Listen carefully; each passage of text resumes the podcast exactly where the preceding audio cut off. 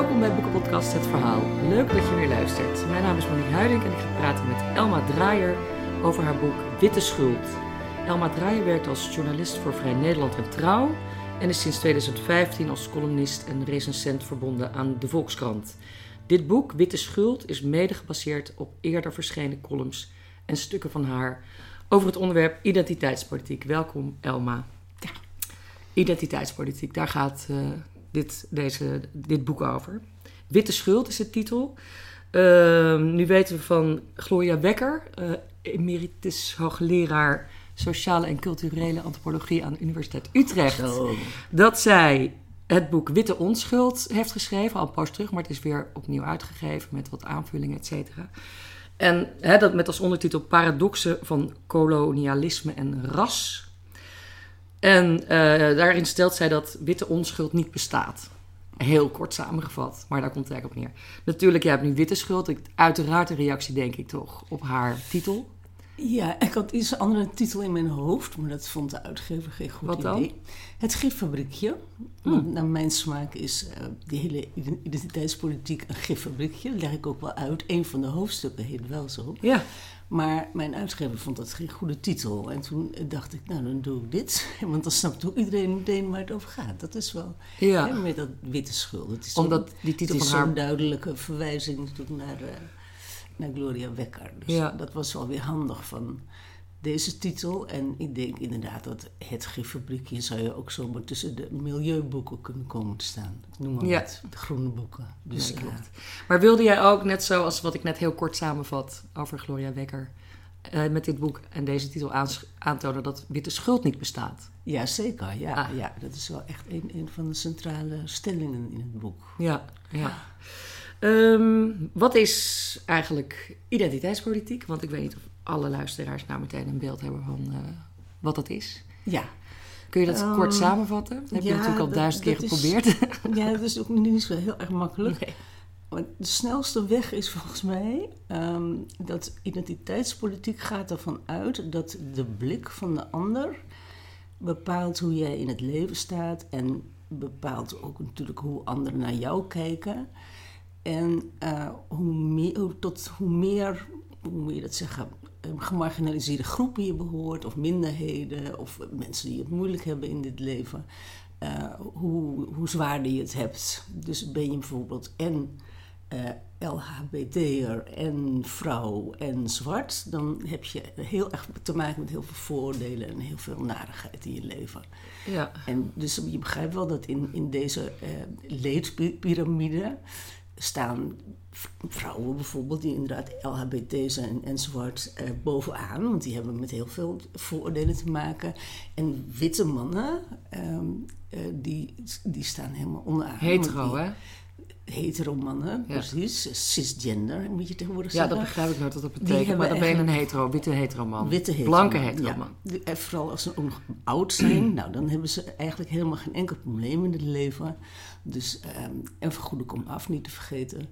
Dus die, die zijn eigenlijk, eh, nou ja, die, die zijn enorm geprivilegeerd. Dus hoe, hoe, het- die, die mensen hebben enorm veel privileges en andere mensen juist helemaal niet. Dat is ongeveer, nou, dat is niet eens kort, maar het is wel ongeveer Ja. wat En dan, identiteitspolitiek is. en dan is het dus zo dat die, in, dat, in, dat, eh, in die argumentatie van deze politiek is het zo dat die blanke, oudere, witte, of ja, blank en dat wit, dat ga ik altijd door elkaar, maar ik wil eigenlijk zelf graag blank zeggen. Dat zal ik zo uitleggen, niet wit. Eh heteroman is eigenlijk schuldige. Altijd. Nou ja, hij is degene die dan volgens eh, Gloria Wekker en haar eh, geestverwanten het meest het koloniaal archief tussen zijn oren draagt. En Ja. daarmee bedoelt Gloria Wekker dat eigenlijk alle autochtone Nederlanders die profiteren tot op de dag van vandaag van de, het koloniale verleden. Uit de 17e, 18e, begin 19e Ja, eeuw. en zijn daardoor ook nog eigenlijk racistisch, intrinsiek racistisch. Alleen zijn ze zich dat niet bewust. Ze zijn zich niet bewust van hun privileges. En ze zijn zich er niet van bewust dat ze onbewust racistisch zijn. Ja. Nee, alles is onbewust bij die blanke, Nou, bij, de, de meeste, zo aardig is ze nog wel. Blanke gewoon. Ja, zo aardig is ze nog wel dat ze, dat ze er wel van uitgaat dat mensen niet expres doen. Maar ze hebben een een gebrek aan bewustwording, bewustzijn van de, de, de Ja. ellende. Hm. Ehm, het is komen overwaaien uit de Verenigde Staten eigenlijk. Ja, zoals alle Eh, cultuurverschijnselen ongeveer. En Ja. daar heb- je ook van die vreemde, lelijke anglicismen in, eh, in deze hele theorie Ja. en, en, en eh, politiek. Eh, want het zijn eigenlijk allemaal... Hè, je mag bijvoorbeeld... Er is ook een hele, hele taalstrijd hoort erbij. Je mag niet meer slaaf zeggen. Tot slaafgemaakt. Dan moet je tot slaafgemaakte. En dat komt gewoon rechtstreeks lelijk vertaald uit het Engels. Ja. Ehm, je mag niet zeggen eigenlijk dat iemand zwart is, hoewel dat, je dat ook weer wel mag zeggen. Maar dan moet je eigenlijk zeggen mensen van kleur. Ja. Je gaat sowieso geen neger, dat mag je uiteraard, dat, dat is al En heel je lang. je hebt ook niet, niet zwarte mensen van kleur. En dat zijn mensen met een Turkse of Marokkaanse achtergrond. Oh. En dan moet je zwart met een hoofdletter schrijven. Dus niet zwarte mensen van kleur. Oh, Oké, jee. nou ja, maar wat interessant is, is dat vind ik, en daarom ben ik zelf tegen het gebruik van het woord wit, omdat ik, ik ben zelf blank. Ehm, want al die, die, die voorkeurbenamingen, dat is omdat die mensen dat meestal zelf graag willen. Ja, Die willen, die willen zeggen, ik ben een, een mens ja van maar kleur. die, die vriendelijke geste staat niet Behalve bij, bij, eh, blanken. blank. Nee, dus want als, dan, je moet... blanken dus willen zeggen, ja, maar ik wil graag blank heten. Zoals mensen van kleur tegenwoordig graag mensen van kleur willen heten. Dan zeggen anderen, nee, dat, dat mag niet. Ja, ik kan het ook niet helpen, maar zo, dat is de redenering. Ja. Nou, dat, en daar begint bij mij, eh, zeg maar, de antipathie. ja. Want dan denk ik, nou, ik ben, ik ben zeer bereid om eh, al die, die, die wenswoorden te gebruiken. Natuurlijk, als, je, als, als die mensen dat fijn vinden, waarom niet? Daar heb ik helemaal geen probleem mee. Hoe lelijk ik soms ook vind dat, dat het vertaald is. Ik vind Zwarte Piet ook geen enkel punt dat dat geen Zwarte Piet meer is. Eh, prima. Maar ik ga niet eh, zelf over, over mijn eigen huidskleur zeggen dat ik wit Ja. ben. Want wit is, vind ik, associeer ik met ziek. Dan ben je ziekjes. ja. Dus er zit iets heel merkwaardigs. Er zit een omkering in, in die hele identiteitspolitiek. Ehm, en daar, dat, dat probeer je volgens mij in het boek, vind ik, heel goed uit te leggen. Eh, er zit een element van, van, van racisme in. Van apartheid. eh, van eh, schuld geven aan alle blanke mensen. En heel weinig eh, respect eisen. En heel weinig wederkerigheid wat dat betreft. Nou, maar dat komt natuurlijk voort uit dat, uit dat hele machtsdenken of dat systeemdenken. Kijk, die Leg uit. antiracisten, eh, de activisten, die gaan ervan uit dat eh, de wereld is intrinsiek racistisch. Racisme is uitgevonden door de witte mens. En ehm, dus zwarte mensen kunnen niet racistisch zijn. Ik citeer ook een mevrouw in mijn boek, die zegt dat ook letterlijk. Hoe ze zich ook gedragen, zwarte mensen kunnen niet racistisch zijn. Ehm, je kunt wel natuurlijk lelijk doen tegen andere zwarte mensen. En je kunt ook heel lelijk doen over witte mensen. Maar dat laatste, dat is trappen naar boven. En dat mag. Trappen naar beneden, zoals dan in hun ogen witte mensen doen, dat mag niet.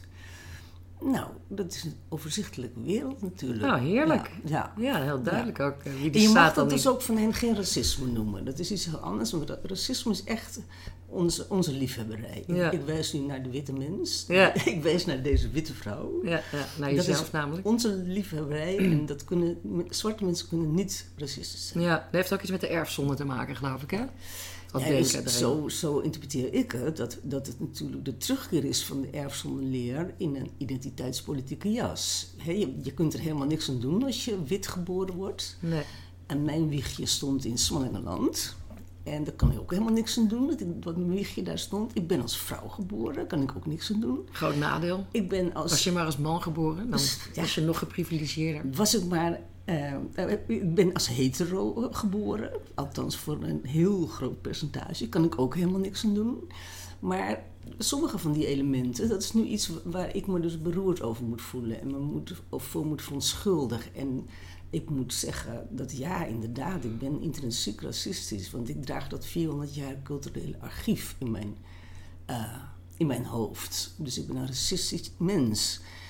Dat gaat ervan uit dat er dus een soort erfzonde is die ik heb ge georven, om maar zo te zeggen, van mijn, Genetisch. van mijn voorvaderen. Van iemand die ooit een slavenhandelaar was eh, en waar je wellicht van af zou kunnen stammen? Nou, die kans is echt tamelijk klein in, in mijn familie. Maar zelfs dat, zelfs als mijn vader of mijn, een van mijn voorouders een gewetenloze slavenhandel wa- was geweest. En wat dan nog? Ik bedoel, ik ben ik, hij was hij, hij deed de dingen op die manier. Hartstikke fout vinden wij nu.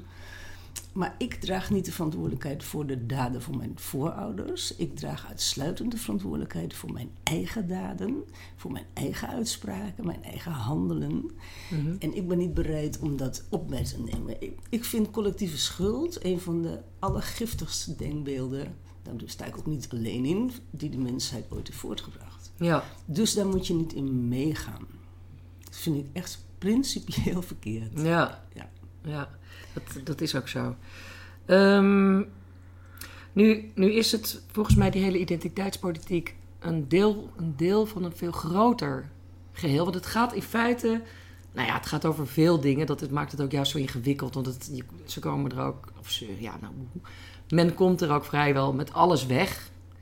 Wat je ook maar verzint. Het blijft gewoon zo dat, dat eh, hè, de, de, nou, wat ik eigenlijk wil zeggen is, het gaat eigenlijk om beeldvorming, stereotypering, maar ook over het fenomeen dat objectiviteit niet bestaat. Dat is heel erg belangrijk in deze theorie. Ja. En dat, dat fenomeen van objectiviteit en beeldvorming, er is geen objectiviteit, feiten doen er niet toe, dat is, zie je natuurlijk in een veel groter geheel. Eigenlijk in alle kampen van populisme zie je dat, eh, Ja, zie je dat, zie je dat gebeuren. Rechts, rechts heel erg Ja, natuurlijk. feitenvrije eh, Ja. nieuwsberichten, fake news.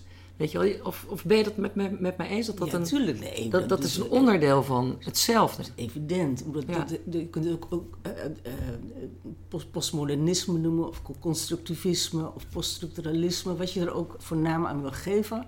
Maar centraal staat toch de idee: de werkelijkheid is niet eh, als zodanig te kennen.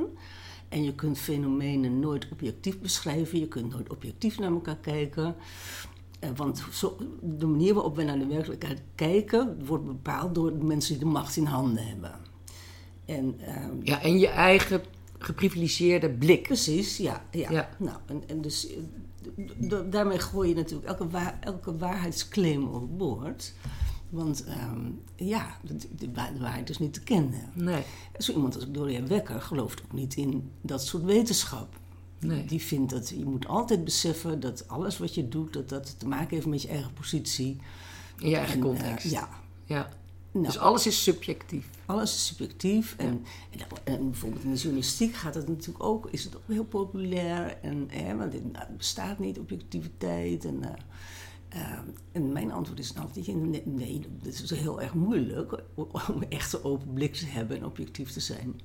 Maar het is wel je, je heilige streven, of althans het zou het moeten zijn. Het is net zoiets als de wereldvrede, die komt er ook nooit. Maar die, die mag natuurlijk nooit nalaten om daarnaar te streven. Ja. In het, eh, hè? Om maar zo die vergelijking te maken. Nou, je ziet ook de enorme uitwassen ervan. Ja, Als je zegt van nou, dat maakt niet uit wat je Nee, zegt. Als het verhaal maar goed is. Ik heb vandaag een column in de krant over eh, die BNN-Vara... ehm, presentator die, die een ongelofelijke holocaust-ontkenner en antisemiet aan de Ja, lijn dat gaat over een radioprogramma. Dat heet iets van Greep of Grijp of zo. En dat is heel vroeg 's ochtends. Ik weet niet precies. Ja, dat is heel vroeg 's ochtends. Tussen 4 en 6 of zo eh, op de radio. NPO 1 of 2, dat weet ik niet precies. Ja, Ja. En, en hij had... Dan mag, mogen mensen inbellen. En mensen inbeller, dat was inbellen. nog een antisemiet van de bovenste plank. Ja, dat Echt was deze normaal. week, maar twee weken geleden had hij een echt een, een hele, nou ja, zo'n man die de Holocaust min of meer even een andere draai gaf. En, ehm, en het fascinerende was dat hij had daarnaar geluisterd en zei, die vroeg af en toe eens wat. En aan het eind zei hij, ja, ja, nou ja, dit is jouw verhaal en, eh, en, en ik, ik heb mijn verhaal, weet je wel. Dat is typisch een postmoderne uitspraak. Dat je zegt, nou, de, de- wat er nou precies feitelijk gebeurd is, is helemaal niet... eh, hè? Dat Doet er kunnen niet we toe. niet weten, doet er niet toe. Ja, Jij hebt jouw waarheid en ik heb de mijne. ja. En ik kan daar behoorlijk over opwinden, want ik, ik geloof dat het, wel, dat er wel feiten zijn en dat je daar niet omheen kunt. ja. En dat het niet allemaal een kwestie is van perspectief, natuurlijk niet. Ja, wat het gekke is, want dat beschrijf je ook in het boek, dat eh, de antiracisme-activisten eh, eigenlijk eh, ook wel een beetje in de, in de een geur van antisemitisme om zich heen dragen. Op Ja. een gegeven moment zijn er zelfs mensen die zeggen: antiracisme-activisten die zeggen dat eigenlijk de Joden de grote slavenhandelaren Ja. waren. Dat Dat zij de beroemde schuld mythe. hebben van, Ja, van de slavernij. ja. Ja, ja terwijl het toch overduidelijk de Romeinen zijn die ermee begonnen zijn, zou ik zeggen. Nee, dat is vrij verbijsterend. Ik, daar wijt ik dus een heel hoofdstuk aan, aan die, aan die merkwaardige houding van de antiracismebeweging tegenover Joden en tegenover Israël. Opmerkelijk.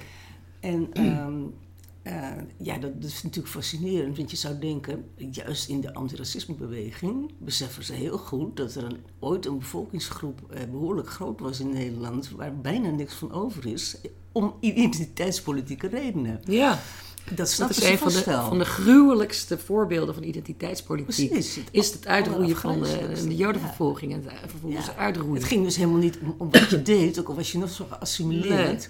Of om, om wa- hoeveel verdiensten je had gehad voor welke samenleving dan ook. Of hoe je je gedroeg, slecht, goed, maakt allemaal niet uit. Je moest gewoon dood omdat je Jood was. Ja, Omdat je tot een zogenaamd ras behoorde. ja. Nou, dat is natuurlijk de allergriezeligste vorm van identiteitspolitiek dat Ja. er is. Waar ook meteen vreselijke consequenties aan werden verbonden. Dat mag je wel zeggen, ja. Dus dan zou je zeggen van god, dat is toch een goed voorbeeld van hoe het niet moet. Ja, maar wat je ziet is dat, dat dat besef was er nog wel in de jaren zeventig. Bij de toenmalige, er waren natuurlijk altijd heel veel mensen geweest die zich hebben, ehm, die hebben gestreden tegen racisme en noem maar op. En discriminatie. Toen was het besef er wel, was, was heel vanzelfsprekend. Kwam al een beetje onder druk te staan door, doordat eh, het sionisme eh, ineens heel iets fouts was. Maar wat je de laatste jaren ziet, is dat het echt gewoon eh, sowieso dat hele land Israël, dat, daar willen ze, dat is het ergste schurkenstaat op de hele wereld. En dan eh, in moeten ook ook de Joden ervan langs, want die zouden dan wel eens te maken hebben met slavernij.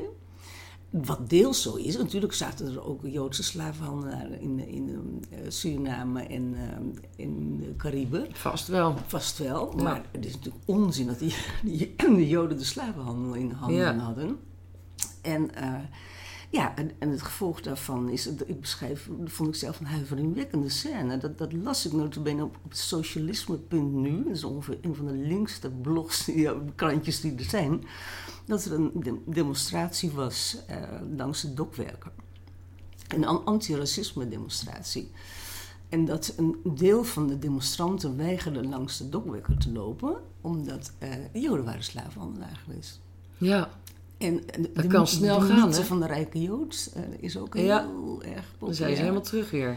Ja, het is natuurlijk nooit, misschien wel nooit weg geweest, maar ehm, dat denk ik sowieso met antisemitisme. Dat, het sluimert wel eens een tijdje, gaat een beetje ondergronds, maar je ziet het nu in alle hevigheid terugkomen. Ja, maar het vreemde is dus dat je, dat je ook terecht constateert, vind ik, eh, dat je juist bij deze beweging, antiracisme, antidiscriminatie, noem maar op, totaal niet zou verwachten dat ze er achter de Joden aangaan. Nee.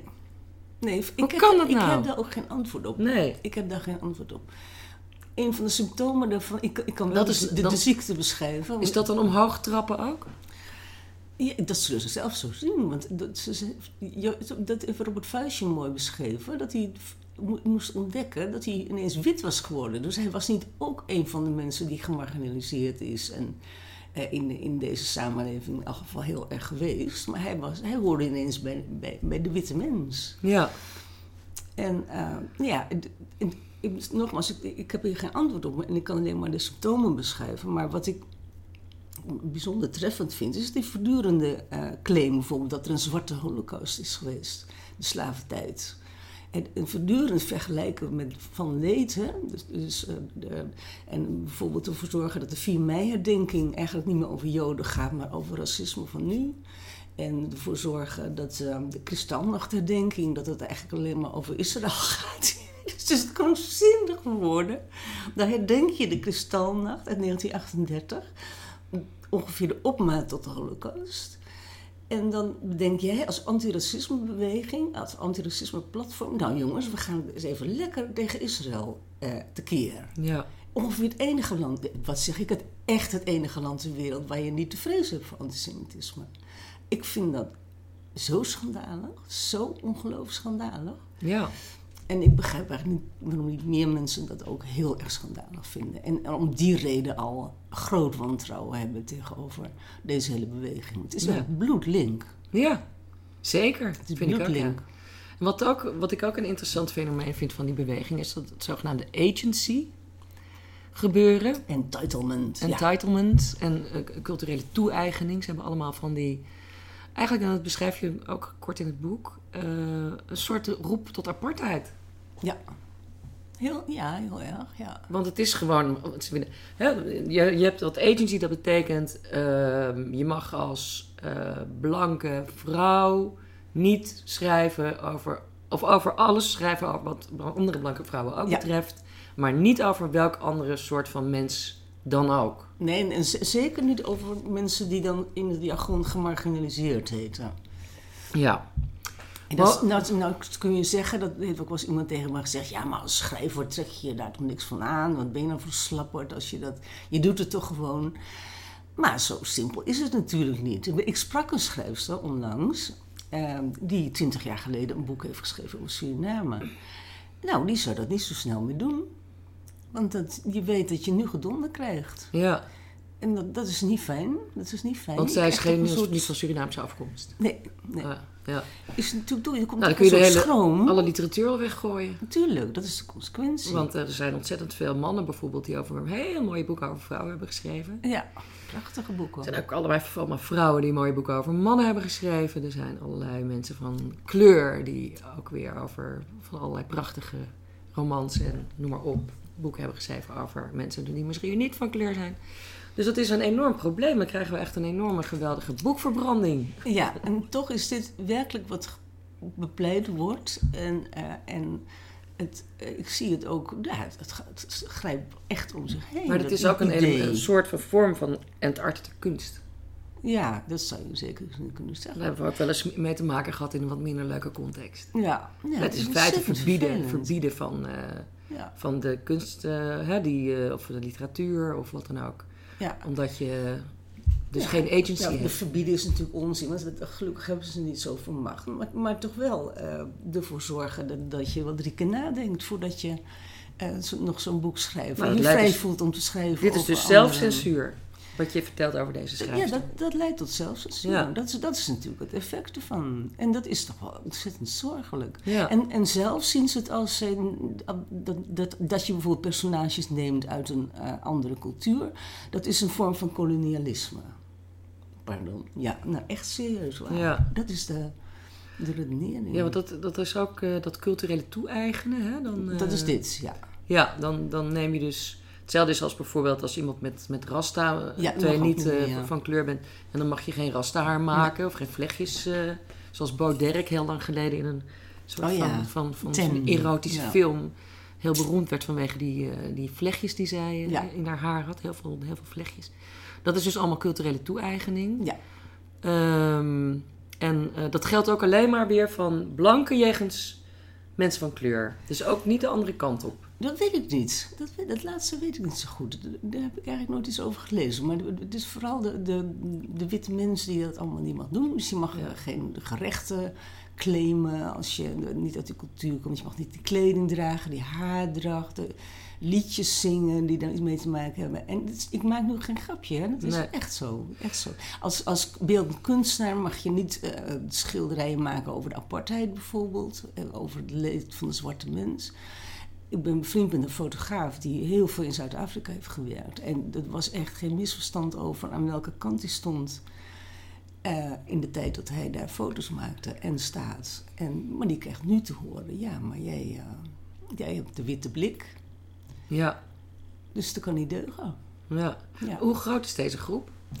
Nou ja, dat fascinerende is natuurlijk dat het een relatief klein clubje is. Ja, volgens mij is het een heel klein clubje. He- nou, heel klein zou Nou, ik nu niet zou- zo heel hard op zeggen. je maar- zou kunnen maar zeggen niet- dat- Echt niet groot. Het is niet een enorme eh, beweging met honderdduizenden aanhangers. Dat kun je onmogelijk zeggen. Maar hun invloed is onevenredig. Zou zou ik maar zeggen, omgekeerd evenredig. Ja, En dat is eigenlijk het verbijsterende. Dat is ook waarom ik dit boek heb geschreven.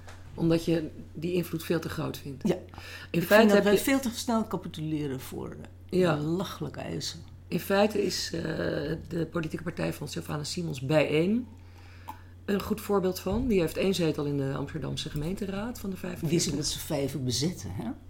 Ja, nou ja, dat moeten ze nog maar lekker zelf weten. Maar in ieder geval, eh, Dat vind ik zo'n leuk detail. ja, ehm 45 zetels heeft Amsterdam volgens mij in totaal. Eén daarvan is van bijeen. Ja. Dat is natuurlijk heel een kleine achterban, een klein groepje. Je zou kunnen zeggen dat Denk in de Tweede Kamer met drie zetels ook een vorm van eh, Ja. identiteitspolitiek eh, beoefent. Zeker, ja. Ehm, niet, niet openlijk, maar wel in de praktijk. Ja, en ehm, nou ja, verder zie je bij eh, in feite de PVV en Forum voor Democratie Ja, dat ook is- veel mindere, vind ik zelf, veel minder. Maar je schrijft terecht, is- is Henk, en, rechts- Henk en In- Ingrid, Dat is rechtsidentiteitspolitiek. dat is ook En, identiteitspolitiek. en Van onze dat- vriend Baudet natuurlijk ook. Maar, maar dan voor de wat hoger opgeleide, middelbaar hoger opgeleide rechtse mens. Ja. ja, ik weet nog niet of hij al een soort van Henk en In- Ingrid voorbeeld heeft. En volgens mij benadrukt Forum voor Fleur, Dem- Fleur en Sebas. Zo, ja. Ja, ja, misschien. Nou ja, maar dat, dat verzin jij nu. Dat heeft Ja, hij niet verzin ik, ja. Ja, maar misschien bij Vorm van Democratie wordt heel erg benadrukt van nee, wij zijn voor iedereen. En eh, hè, eh, er zitten ook in, hoog in het bestuur eh, ook mensen met een bijvoorbeeld Indische roots of eh, Surinaamse roots. Of, hè, dus wat dat betreft kun je dat niet hard, echt hard maken dat ze daar, daar per se tegen zijn. Of, eh, maar het is ook waar je voelt het wel een beetje. Ja, Je hebt toch het Er zitten gevoel- natuurlijk toch gewoon van die uitspraken die, die, heeft, die Baudet heeft gedaan over, over een blank Europa en die boreale gelul. Dat, Ja, de- het ja, voelt niet lekker, vind ik ook hoor. Oeh. Dat heeft bruine randjes. Ja, En- ja, ja, ja. en, dat eh, schrijf je ook in het, in het boek, dat het bruine randjes. En dat bedoel Ja. je mee bruine randjes van eh, de bruine hemden uit, eh, ja. uit de jaren dertig. Ja, oké. nou. Maar goed, anyway. ehm, wat wel belangrijk is, is dat het gebeurt dus aan alle kanten van het spectrum. Ja. We moeten niet alleen eh, gaan zo inzoomen op eh, de Nee, gekleurde dat wil ik er nog- achterban. Even duidelijk bij zeggen, ik, dit boek eh, nou, is gewijd aan de linkse identiteitspolitiek. Maar dat doe ik juist omdat ik zelf een ouderwetse sociaaldemocraat ben. En ik wil, het is sowieso interessanter te schrijven over misstanden die je in je eigen kringen ziet.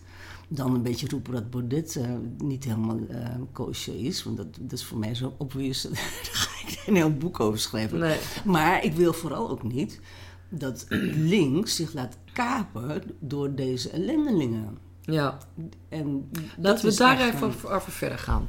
Want je ziet bijvoorbeeld, dat schrijf je in het boek, ook op de universiteiten, laten we daar gewoon beginnen. Daar wordt deze problematiek, of dit, dit, dit, deze, dit gedachtegoed, eigenlijk geïncorpor- geïncorporeerd Ja. al reeds. Je hebt daar diversity officers. Ja, Vertel. ja die, die moeten er ten eerste voor zorgen dat eh, de universiteiten eh, het percentage niet-witte studenten, eh, en dan vooral natuurlijk ook van, van dus niet, ik bedoel, ze geen Japanners meer en zo, en, en, maar hè, dat, wat je vroeger de allochtonen mocht noemen, dat ze dat eh, omhoog schroeven. Ze zijn allemaal heel verdrietig dat ze zo wit zijn. Ja. En ten tweede eh, zijn er ook nog chief diversity officers die, die proberen te morrelen aan het curriculum. En nou, de eerste de Curriculum is, de, is de, de, de, de inhoud van het onderwijs. Ja. De vakken. inhoud van het Ja, onderwijs. en de onderwerpen. En eh, het derde wat je ziet sinds eh, dit denken op de universiteiten eh, is gekomen, is dat er dus een hele akelige sfeer hangt rond de vrijheid van meningsuiting. Dus, dus er zijn termen nu in omloop als deplatforming. En dat betekent dat als er een spreker komt met jouw onwelgevallige opvattingen, dat je dan zegt, ja, maar die geven wij geen podium. Ja. Of Die platform, er- oh ja, dus je neemt het platform weg. Ja, precies. En eh, als er een, eh, iemand komt die, eh, die uitspraken heeft die, die wellicht ook niet helemaal prettig zijn in jouw ogen voor vrouwen of voor minderheden, dan zeg je ja, die, die, moeten hier komen, want de universiteit moet een safe space zijn. Ja, oh, In de praktijk betekent dit alles natuurlijk echt een ongelooflijke aanslag op de vrijheid van de academie. Want je hoeft nu maar iemand eh, een racist te noemen of een, eh, een seksist. En zeggen dat je je gekrenkt voelt do- door zijn haar uitspraken of haar uitspraken. En eh, nou, ze mag er niet meer aan het woord komen, of Dit hij is, niet. dit is ook weer eenzelfde soort. Dit vindt ook weer de bron in dat objectiviteit niet bestaat. Hè? Dat Ja. komt allemaal daaruit voort. Ja, Dus we hoeven ook niet te luisteren naar eh nee, andere dat hoeft mening. niet. Nee, nee, dat hoeft niet. We hoeven geen kennis te nemen van andere opvattingen. Er was een verbijsterend incident aan de Universiteit van Amsterdam een paar jaar geleden. Er was een mevrouw zo, die zelf niet eens helemaal leliewit is, geloof ik. Die zou komen spreken. Oh ja, toch wel. Nee, maar, niet, maar wel uit Europa, dus het deugt dan toch niet. En die zou dan spreken over eh, het zwarte activisme, vrouwenactivisme. Ik ben even het onderwerp kwijt hoor, dus het gaat mij soms ook wat boven de pet. Maar in elk geval, de, er was een groep activistes van de University of Color.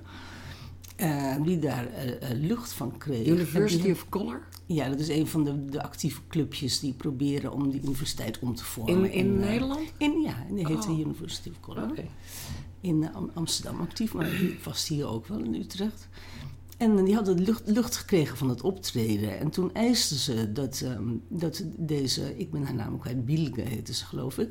Dat, die, dat er een andere spreker naast zou komen. Want dat ze in haar eentje zou spreken, dat was zo'n schande. Nou, en toen bleek dat die mevrouw Bilge dat eigenlijk bij nader inzien ook vond. Dus die is onverrichte zaken naar huis gevlogen. En dan denk je, nou, dan zal de, de, degene die dat hebben georganiseerd, een of ander instituut, die zullen nu wel excuses maken aan deze mevrouw. Dat ze zo stom zijn geweest om dat niet van tevoren te bedenken, dat Ja. dat niet zo'n goed idee is.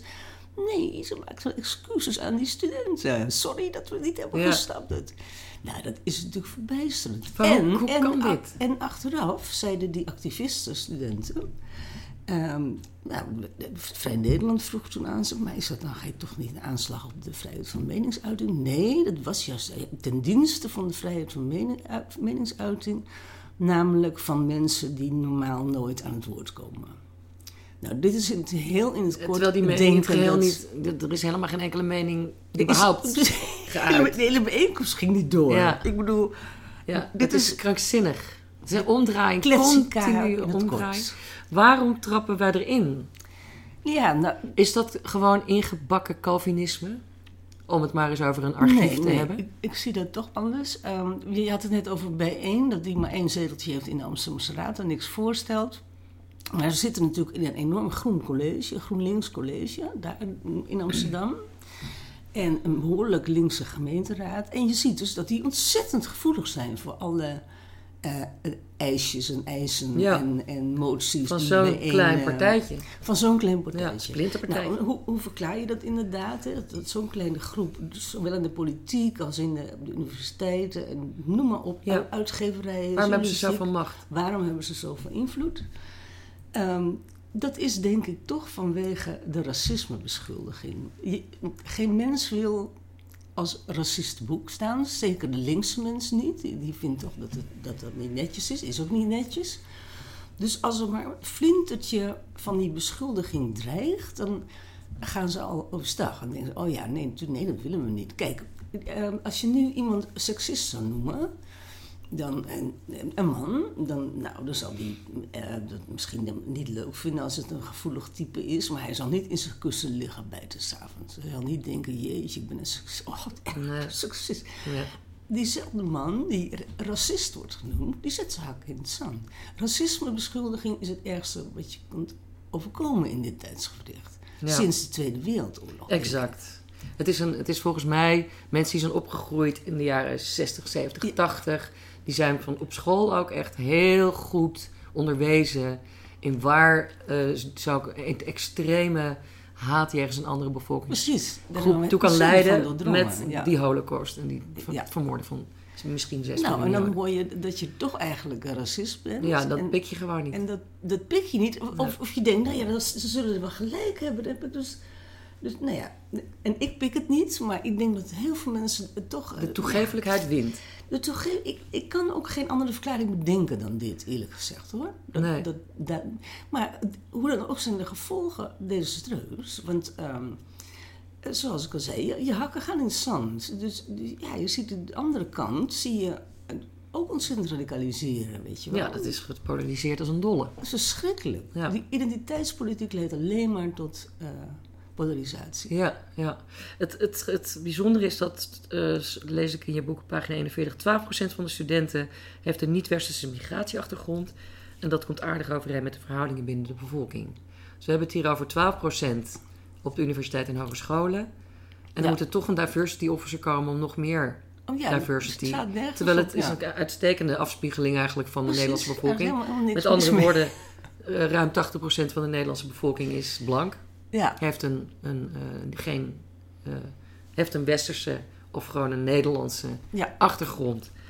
En in feite hebben wij dus te maken met een soort bizarre eh, wending van, het, van de geschiedenis. Want daarmee kun je zeggen, de dominante cultuur wordt door die ruim 80% natuurlijk veroorzaakt. En er is altijd wel cultuurstrijd geweest.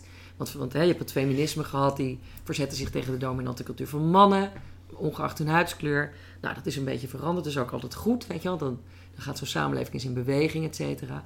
En wat nu, eh, denk ik dus, die, die identiteitsmensen, politieke en activisten en racisten willen, is natuurlijk ook dat het, be- het beter wordt jegens hun situatie. Alleen, dat gaat op een manier waarvan je denkt van... mijn god, weet je, wel, ze, hetgeen wat ze bestrijden veroorzaken ze. Zien Ja. ze dat nou niet?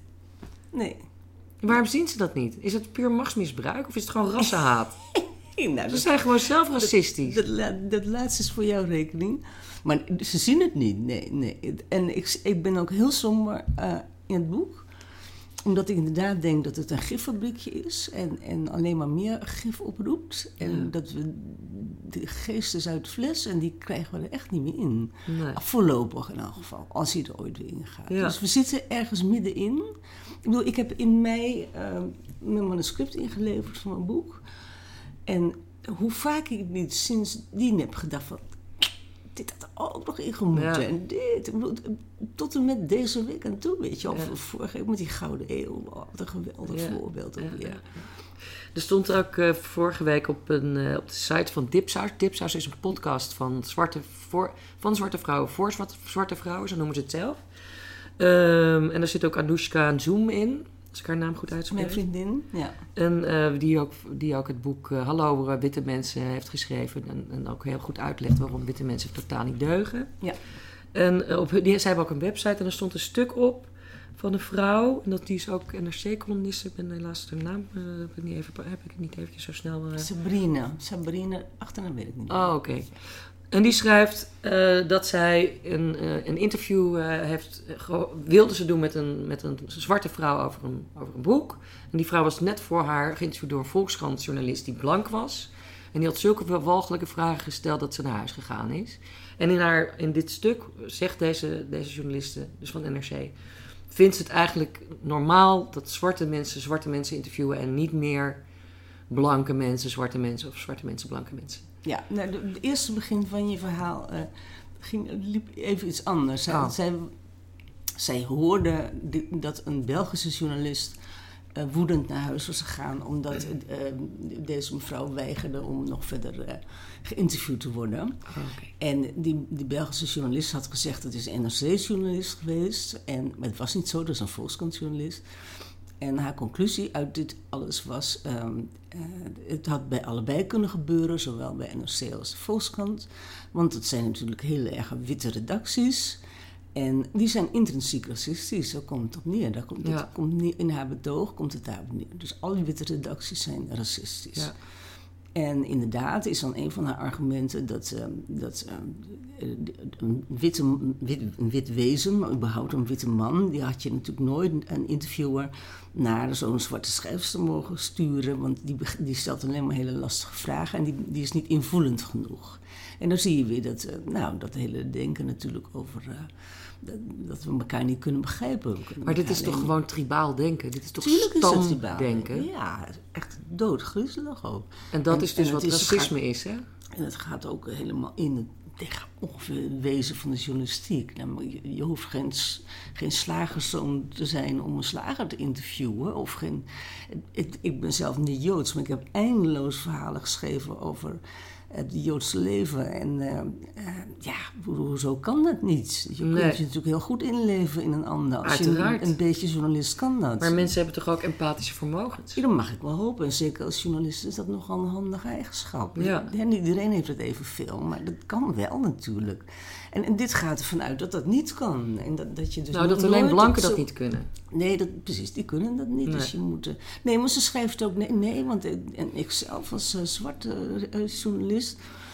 zou ook niet een vrouw in hijab kunnen interviewen. Nou ja, ik zou het wel kunnen proberen, maar ik zou toch nooit echt weten wat het is om een hijab. En bedoel, dat denken, zou ik maar zeggen. Dat je alleen maar uit, eigen ervaring dingen snapt. Dat is zo armoedig. Ja. En dat betekent bijvoorbeeld, nou laten we even bij antisemitisme blijven.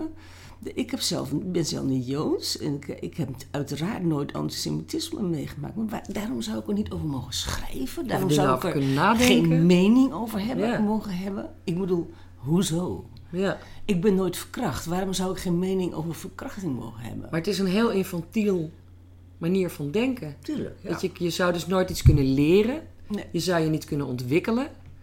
Want je moet altijd... Je, je bent volledig beperkt door de, de, De gegeven kenmerken. je huidskleur, je seks. dat zijn eh, allemaal kenmerken waar Ja. jij en ik helemaal niks aan kunnen doen. En verder... En, eh, en filosofisch bekeken gaat het niet om de mens ehm, in wat is een streven of wat hij doet of waar hij naartoe wil. Of, daar gaat het niet om. Het gaat om de mens zoals hij is. En dat is gegeven. Daar, dat is een gevangenis waar je in zit en daar kom je niet uit. ja. Wat natuurlijk, eh, dat, dat druist in tegen alles waarin ik geloof. Ik geloof in het individu en ik geloof er niet in dat je mensen kunt eh, opsluiten in, in eh, een huidskleur of in een genitalie of in een afkomst. Het fijne van leven in dit hoekje van het universum is juist dat je natuurlijk enorm ver kunt komen als je, eh, nou ja, dat, dat naast je neerlegt. Want Ja, ik, ik ben inderdaad vrouw. Dat is, ik heb één piepklein nadeeltje. Ik ben vrouw. Ja. Ik ben ook nog blond. Dat was vroeger ook nog wel een nadeel. Maar dat is gelukkig niet meer zo. Maar goed, ik ben vrouw. Dus dan heb je een heel klein achterstandje. En ik ben juist ontzettend blij dat ik me daar niks van heb hoeven aantrekken in mijn leven. Mijn moeder nog wel. Dat is één generatie geleden. Ja. Mijn moeders levenslot lag vast. ja, die ging trouwen en moest, mocht ze niet meer werken. Mocht ze niet, nou ja, ze mocht niet eens een, een goede opleiding doen. En werd geacht om Ja. je te kijken zijn. wat een verbetering... eh, In zo'n korte tijd is er zo geweldig veel moois verbeterd. Ik ben Ja. zo dankbaar altijd geweest. Ik ben zo bewust geweest van mijn privilege. Dat ik in, de- tot in die generatie werd geboren en niet één generatie te worden. Ook altijd heel erg bewust geweest van mijn privilege. Dat ik in dit hoekje van het universum ben geboren. Ik bedoel, Smallingenland, oké, dat was wat minder. Maar verder in Nederland is het natuurlijk geweldig. Ja. Met, met, alles, de welvaart. En, dus wij zijn waanzinnig geprivilegeerd. Daarom ergert mij ook altijd zo dat, dat, dat gelul over dat wij niet beseffen. Ik heb mijn hele leven beseft dat ik ontzettend geprivilegeerd Ja. ben. Dat heb ik altijd toegegeven. Sterker nog, dat hoefde ik helemaal niet eh, te ontkennen. Want dat was gewoon zo. ja, maar Waarom zou ik dat ontkennen? Dat is, dat is ook nooit ontkend. maar ik, ik ga niet toegeven dat ik een racist ben. Nee.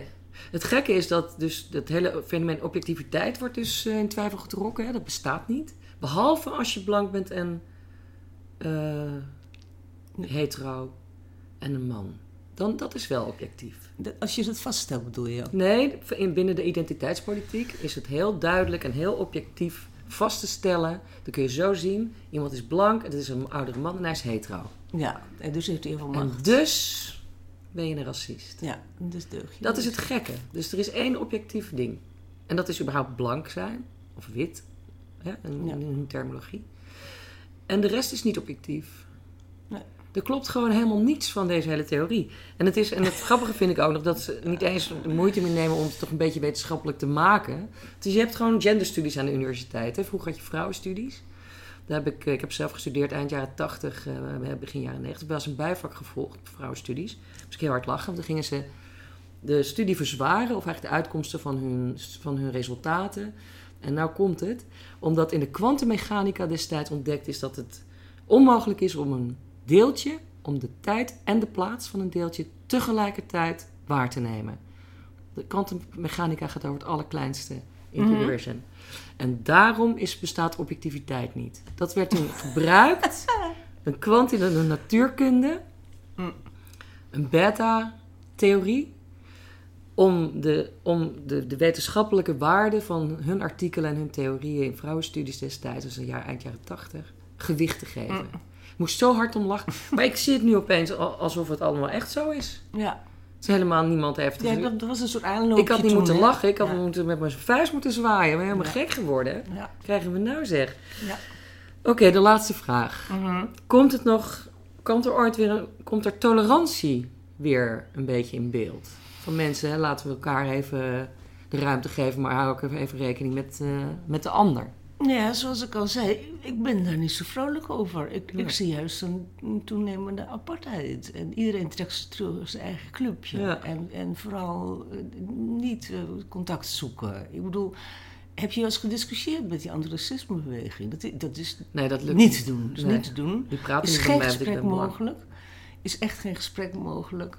Willen ze ook helemaal niet. Want, dat is, was, want, want iedereen vraagt mij van, nou, wat is dan de reactie uit die hoek? Nou, dat is nogal simpel. Die lezen het niet. Dat hoeven ze namelijk niet. Want ik, ik ben een, een oude witte vrouw en ik ben natuurlijk hartstikke fout. Ja. Dus dat is, dat is heel rustig. Ze lezen het gewoon niet. Nee. Ik heb het ook niet voor hen geschreven. Ik heb het voor anderen geschreven.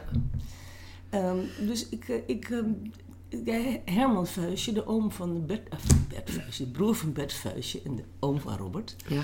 Die, die heeft een boekje geschreven, Zwartkijkers. En die wilde een beetje de, de, de nou ja, optimistisch blijven. En die zegt, nou, het zijn gewoon de, de, de groeistuipjes van emancipatiebeweging. Ja, dat zou best en kunnen. Over een tijdje gaat dat over.